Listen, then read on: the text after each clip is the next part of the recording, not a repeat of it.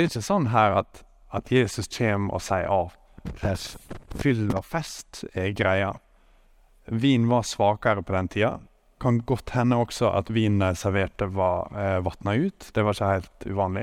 De klarte ikke å lage så sterk vin som det går an i dag. Um,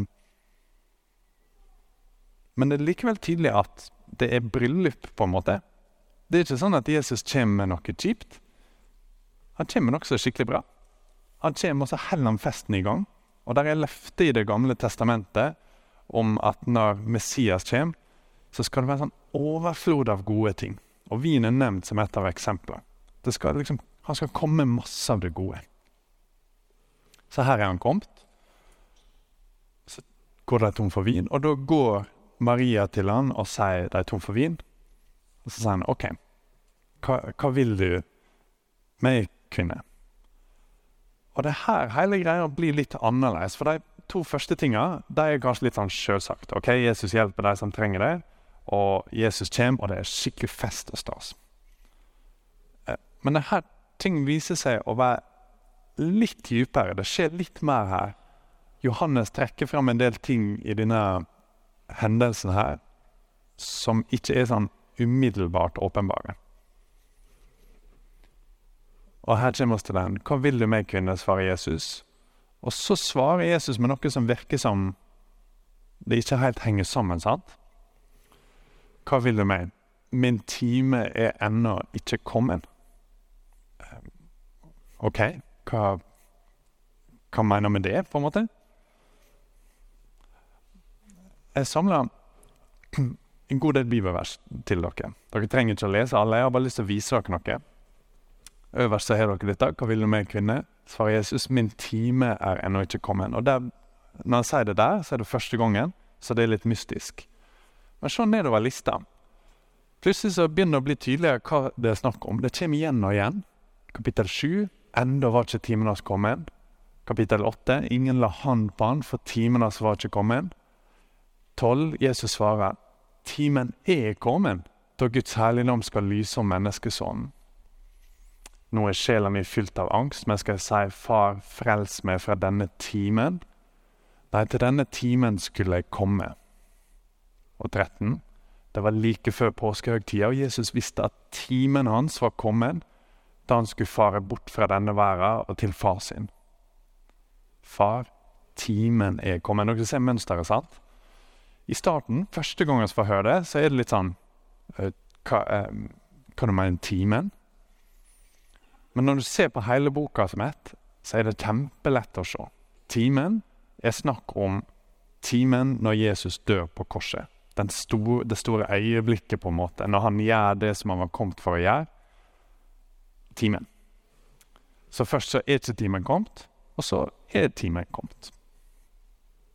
Så da tilbake i bryllupet i Kana. Så viser det seg at det skjer noe rart med Jesus når han er i dette bryllupet, så står han og tenker på sin egen død. Det er den minst naturlige plassen å stå og tenke på sin egen død. sant? Hvis, kanskje hvis du står eh, ved siden av grava til en kjær venn, så tenker du 'Å, nå har jeg mista deg, en dag skal det være meg'. Det er ikke helt sånn typisk i et bryllup. At du er i din bestevenns bryllup og tenker 'Å, for en kjekk dag'. En dag skal jeg dø. Det er liksom ikke helt sånn sjølsagt. på en måte. Hvorfor tenker han på det? Det er nok flere grunner til det.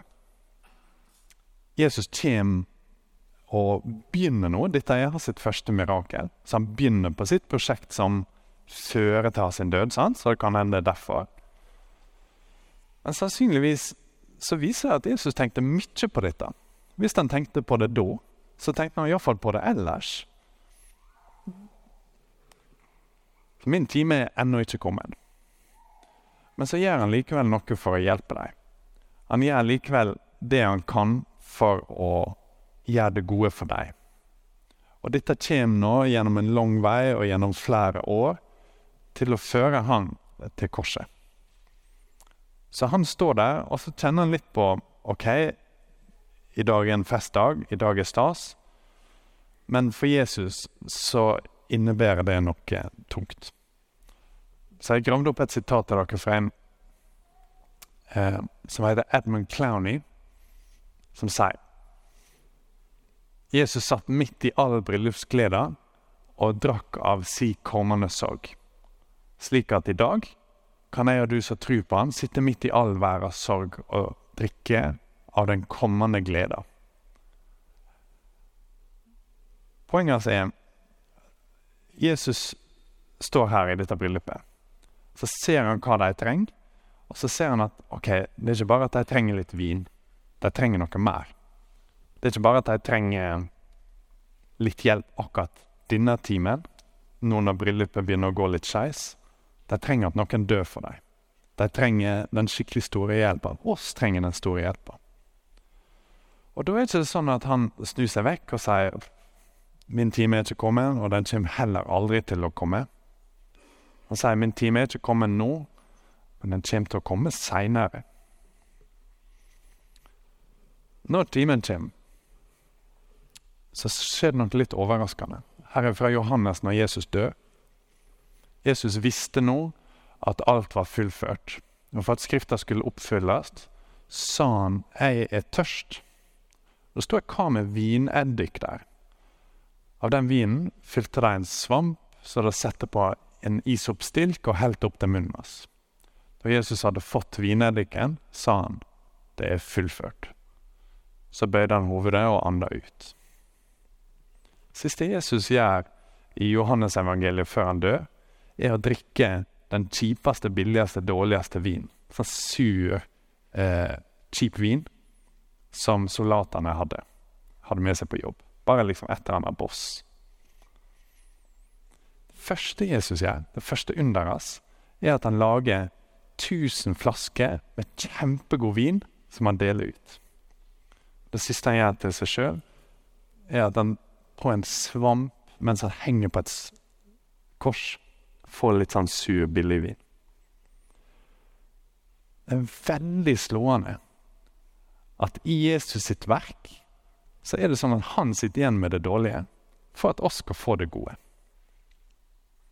En dag så står han opp igjen, sant, og så sier han at eh, Han sier det under den siste nattverden, at en dag så skal vi drikke eh, vin fullendt i Guds rike. At en dag så skal det være i lag. Men for at det skal bli sånn, for at bryllup i Kana ikke skal være en sånn enkel fest, men at han skal kunne invitere til sin store fest når han er brudgom, og alle som tror på ham, blir som en slags brud, så er han nødt til å drikke denne sure, bitre vinen, både i faktisk forstand, men særlig overført bestand, eller forstand. At han må henge på korset. Han er nødt til å la timen sin komme der det ikke er fest i det hele tatt, sånn at det kan bli evig fest. Jesus visste nå at alt var fullført. Det er fullført, sa han. La oss be. Jesus, jeg takker deg for at du drakk den sure vinen, at du tok det kjipe og at du gir oss det gode, sånn at vi kan glede oss med deg i all evighet. Amen.